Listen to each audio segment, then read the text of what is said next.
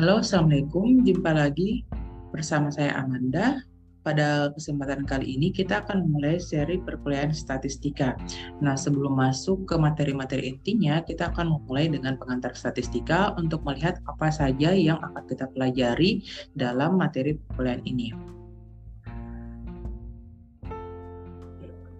Nah, jadi kita akan memulai dengan memahami dulu apa sih itu arti dari kata statistika dan sebenarnya apa saja yang menjadi bahan kajian dari statistika ini.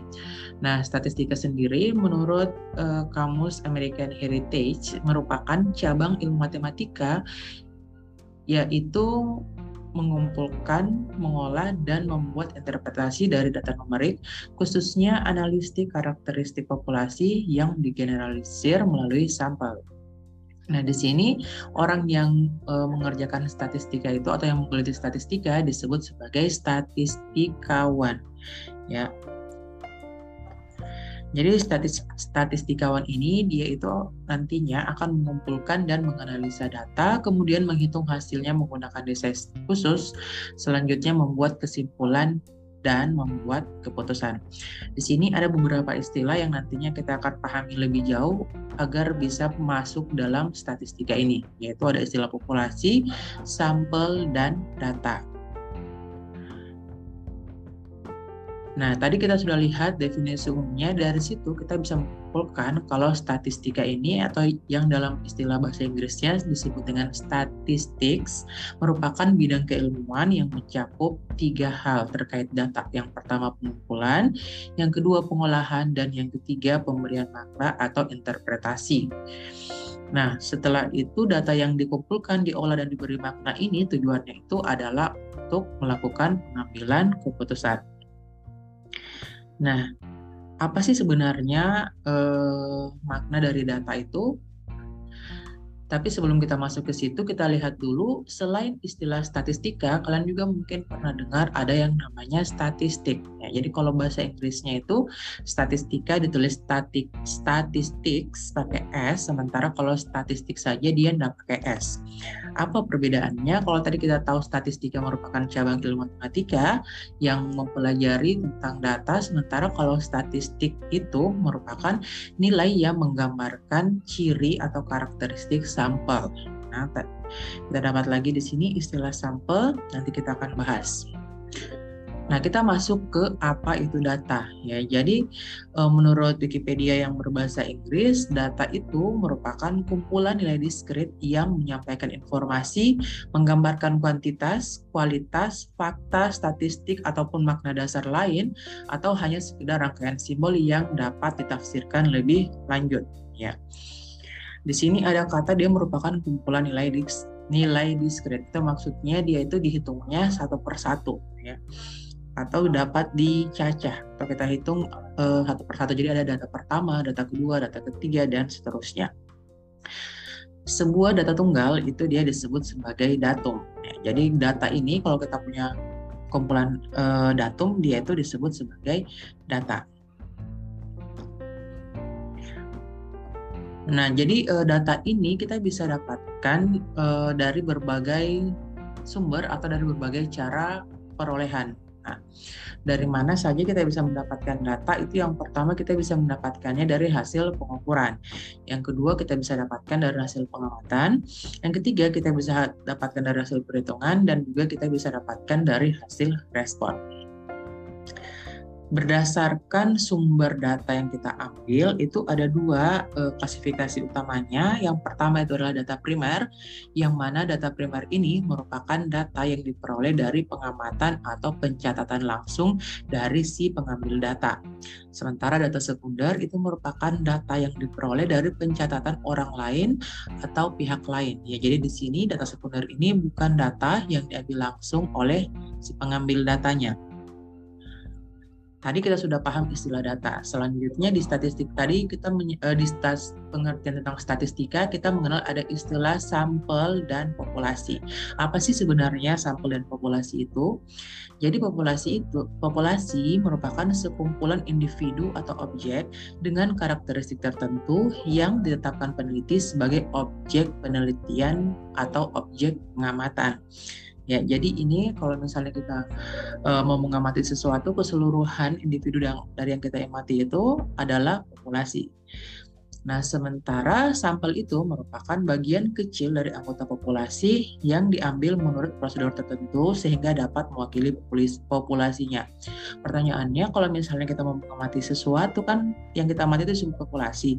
Terus untuk apa kita membutuhkan sampel? Nah, ini dia dalam kasus-kasus di mana populasi yang mau kita amati ini terlalu besar atau tidak bisa kita jangkau dalam waktu yang kita uh, sudah tentukan. Ya, makanya uh, untuk kebutuhan itu makanya uh, kita harus mempunyai mengambil yang namanya sampel di mana sampel ini dia harus uh, dapat mewakili populasi pengamatan kita ya Jadi sampel yang baik itu merupakan sampel yang rep representatif atau dapat mewakili populasi sehingga dapat digunakan untuk menarik kesimpulan tentang populasi. Jadi nanti kalau kita menggunakan sampel, apa pun yang kita dapat dari sampel itu harus bisa kita generalisasi atau kita angkat umumannya sehingga uh, berhubungan dengan populasi atau kita bisa membuat kesimpulan terkait populasi yang kita teliti atau yang kita amati. Nah, karena dia di sini harus representatif, makanya kita tidak bisa sembarang mengambil sampel atau asal ambil saja kita harus menggunakan suatu teknik yang tepat. Nah, dalam statistika, teknik uh, ini dia biasanya disebut dengan sampling method atau teknik pengambilan sampel. Di sini kita bisa melihat uh, contoh uh, populasi dan sampel ketika kita mau meneliti dalam dunia pendidikan ya. Uh, seorang peneliti dia ingin meneliti tentang sikap moderasi beragama siswa SMA di kota Kendari. Ya, nah di sini populasinya itu adalah seluruh siswa SMA di kota Kendari. Nah pertanyaannya apakah si peneliti dia bisa mencakup atau uh, apa menyentuh semua siswa SMA di Kota Kendari ini. Untuk informasi, siswa SMA di Kota Kendari saat ini tuh dia uh, mencapai angka di atas 5.000 siswa, ya hampir 10.000 lah. Apakah peneliti bisa dalam waktu yang ditentukan? Kalau mungkin mau uh, apa melihat atau peneliti mempunyai cukup biaya dan cukup waktu untuk meneliti semua siswa ini bisa saja Tapi sayangnya biasanya penelitian itu dibatasi oleh waktu dan dibatasi oleh biaya. Makanya e, untuk meneliti siswa SMA di Kota Kendari ini, peneliti tidak bisa mengambil seluruh siswanya. Oleh karena itu diputuskan untuk mengambil sampel yang representatif. Nah, jadi sampel ini misalnya kita mau pilih tiga sekolah, yang semuanya itu ketiga sekolah itu harus e, bisa mewakili seluruh siswa di Kota Kendari. Ya di sini ada siswa SMA A misalnya, terus siswa SMA B dan siswa SMA C. Nah kita bisa melihat ciri-ciri apa sih yang kita mau dari uh, perwakilan siswa SMA di Kota Kendari ini itu harus dimiliki masing-masing oleh SMA A, SMA B dan SMA C. Cara pemilihan SMA A dan SM, uh, eh, ketiga SMA ini dia itu nanti dilakukan dengan sampling method yang sudah saya sebutkan tadi. Kalau untuk uh, apa jenis-jenisnya kalian nanti akan pelajari di video pembelajaran kita selanjutnya. Nah, tadi kita sudah simpulkan kalau misalnya statistika itu merupakan bidang keilmuan yang mencakup uh, beberapa hal ini ya. Nah, di sini itu kita akan uh, golongkan menjadi dua bagian. Ada bagian yang pengumpulan, pengolahan, dan interpretasi data. Terus ada bagian dari menggunakan data sebagai pengambilan keputusan. Nah, kedua bagian ini dia membuat statistika itu dia tercabang eh, uh, lagi menjadi dua bagian utama. Untuk bagian pertama, di mana kita melihat cara untuk pengumpulan, pengolahan, dan interpretasi data, itu dia disebut sebagai statistika deskriptif. Ya. Sedangkan kalau misalnya kita mau menggunakan data untuk tujuan pengambilan keputusan, ini biasanya itu ditunjukkan dengan kita mempunyai hipotesis dan kita menguji apakah hipotesis tersebut itu benar atau tidak. Ini dia masuk dalam bagian yang namanya statistika inferensial.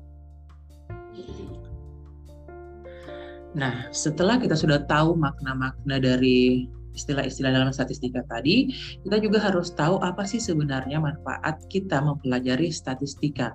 Dan jadi ada empat manfaat utama yang bisa kita peroleh dari uh, memahami statistika. Yang pertama itu adalah kita memahami uh, tentang statistik sederhana atau deskriptif. Ini statistik sederhana ini uh, sudah pernah kalian temukan di sekolah menengah dulu. Itu seperti misalnya kalian disuruh menentukan cari rata-rata, terus cari nilai tengah, cari modus atau nilai yang paling banyak muncul. Itu merupakan bagian dari statistik deskriptif atau statistika sederhana. Ya, selain itu apa ya? Ada persentil, terus ada kuartil, itu dia bagian dari statistik sederhana. Uh, selanjutnya ketika kita misalnya mau menggunakan data untuk pengambilan keputusan itu dia kita lakukan yang namanya pengujian hipotesis. Nah hipotesis ini merupakan praduga atau dugaan sementara kita berdasarkan pengalaman atau apa yang sudah terjadi sebelumnya. Nah, jadi kita menduga nih kalau misalnya uh, model ini dia bisa berhasil untuk meningkatkan pembelajaran siswa. Makanya dia itu uh, kita tes dulu Nah, apakah nantinya dia bisa benar atau tidak? Ya. Selanjutnya manfaatnya itu adalah untuk segmentasi atau klasifikasi dan yang terakhir manfaat yang saat ini sangat digandrungi di dunia statistika itu adalah manfaat statistika sebagai alat untuk peramalan sesuatu yang akan terjadi. Nah, kita lihat contoh jelasnya. Misalnya untuk statistika sederhana deskriptif tadi dalam dunia pendidikan, kita itu bisa menggunakannya untuk menjawab berapakah nilai rata-rata yang diperoleh siswa ya misalnya untuk mata pelajaran matematika berapa sih nilai rata-ratanya? Itu kita jawab dengan statistik sederhana. Yang berikutnya untuk manfaat pengujian hipotesis misalnya kita mau menjawab apakah ada perbedaan nilai antara siswa yang bersekolah di sekolah negeri dan sekolah swasta. Kita nantinya bisa melakukan ini dengan uji hipotesis perbandingan rata-rata Selanjutnya ada segmentasi atau kita klasifikasi ya atau kita kelompokkan. Di sini misalnya kita mau menjawab apa karakteristik umum dari siswa dengan gaya belajar visual atau kita mau cari tahu apa karakteristik umum siswa yang uh, memiliki gaya belajar inklusif. Ya. Terus yang berikutnya itu adalah peramalan. Nah, peramalan ini misalnya kita mau menjawab pertanyaan, akankah model pembelajaran ini dapat meningkatkan hasil belajar siswa? Jika demikian, seberapa tinggi peningkatannya? Ya, jadi ini semua eh, manfaat-manfaat ini membuat kita harus memahami dan mempelajari statistika. Nah, jadi proses statistika itu dia uh, um, bukan proses statistika, tapi dalam mempelajari statistika itu adalah suatu proses yang akan kita lakukan. Jadi salah satu proses utamanya dalam statistika itu adalah analisis data. Ya. Jadi apa sih analisis data itu? Analisis data adalah proses uh, analisis data itu merupakan proses pemeriksaan, pembersihan, transformasi, dan pemodelan data dengan tujuan menemukan informasi yang berguna, menginformasikan kesimpulan, dan mendukung pengambilan keputusan. Nah, tadi di sini kalian bisa lihat ada proses kita mengolah data, terus ada proses kita mengambil keputusan. Artinya proses analisis data ini dia menggabungkan dua cabang statistika tadi, statistika deskriptif dan statistika inferensial. Nah, teknik yang teknik pendekatan analisis data yang apa dikenal dalam dunia statistika itu umumnya ada tiga. Yang pertama ada analisis klasik, yang mana pengumpulan pengumpulan data diikuti dengan penerapan model. Ya. Misalnya uh, penentuan normalitas, linearitas, dan lain-lain. Selanjutnya adalah analisis, estimasi, dan pengujian yang difokuskan pada model parameter tersebut. Yang berikutnya itu adalah analisis data eksploratif, di mana pengumpulan data tidak diikuti dengan penerapan model, melainkan segera diikuti dengan analisis dengan tujuan untuk menentukan model apa yang akan sesuai. Dan yang terakhir ada model Bayesian di mana proses pendugaan dengan mempertimbangkan dua hal, yaitu data yang sekarang kita miliki dan informasi awal mengenai kasus yang sedang kita teliti. Keduanya digunakan secara bersama-sama untuk membuat suatu kesimpulan atau uji asumsi mengenai model parameter. Nah, dalam penerapannya, analisis data ini merupakan kombinasi dari tiga pendekatan ini. Ya, tapi yang akan kita bahas secara spesifik di mata kuliah statistika ini adalah analisis menggunakan menggunakan uh, ini pendekatan klasik dan penggun, apa, pendekatan data eksploratif. Nah, ya, tadi uh, ada yang namanya pendekatan analisis data eksploratif. Seperti apa sih analisis data eksploratif itu?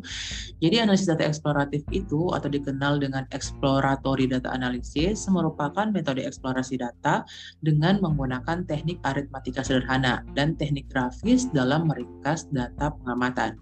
Ya, jadi ada dua kata kunci di sini. Dia menggunakan aritmatika sederhana dan yang berikutnya adalah menggunakan uh, teknik grafis. Ya, jadi kita akan penyajian grafis untuk uh, melihat seberapa jauh data tersebut berguna untuk kita. Nah, di sini dengan kata lain pendekatan ini tuh kita gunakan untuk menganalisis data menggunakan berbagai te teknik ya, khususnya tadi secara grafis seperti yang sudah saya sebutkan, itu untuk memaksimalkan wawasan dari sekumpulan data yang ada.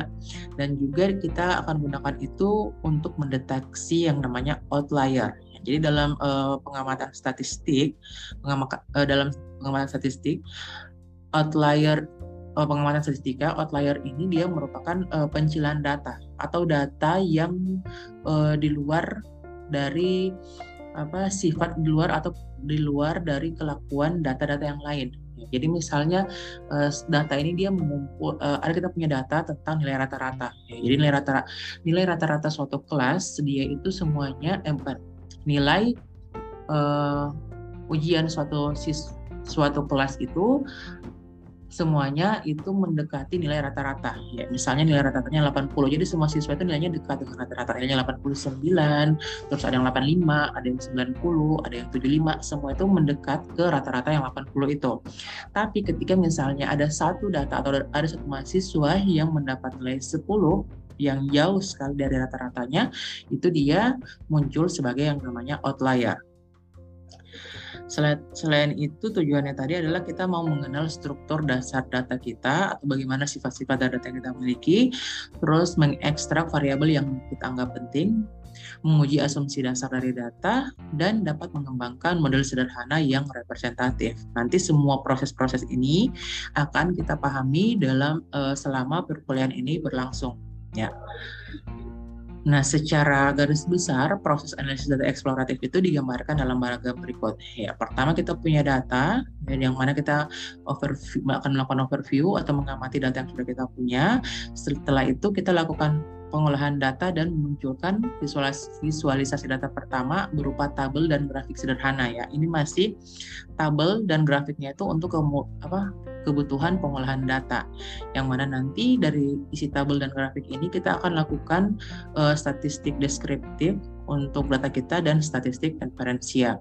Di mana di dalamnya itu ada memuat yang namanya ukuran tendensi sentral atau ukuran pemusatan. Ini dia seperti kita mencari rata-rata, modus dan e, nilai tengah. Terus ada ukuran variabilitas atau ukuran keragaman. Itu seperti kita mau cari standar deviasi, nilai variansnya, Nah, setelah kita punya itu, kita masuk ke melihat bagaimana hubungan antar variabel.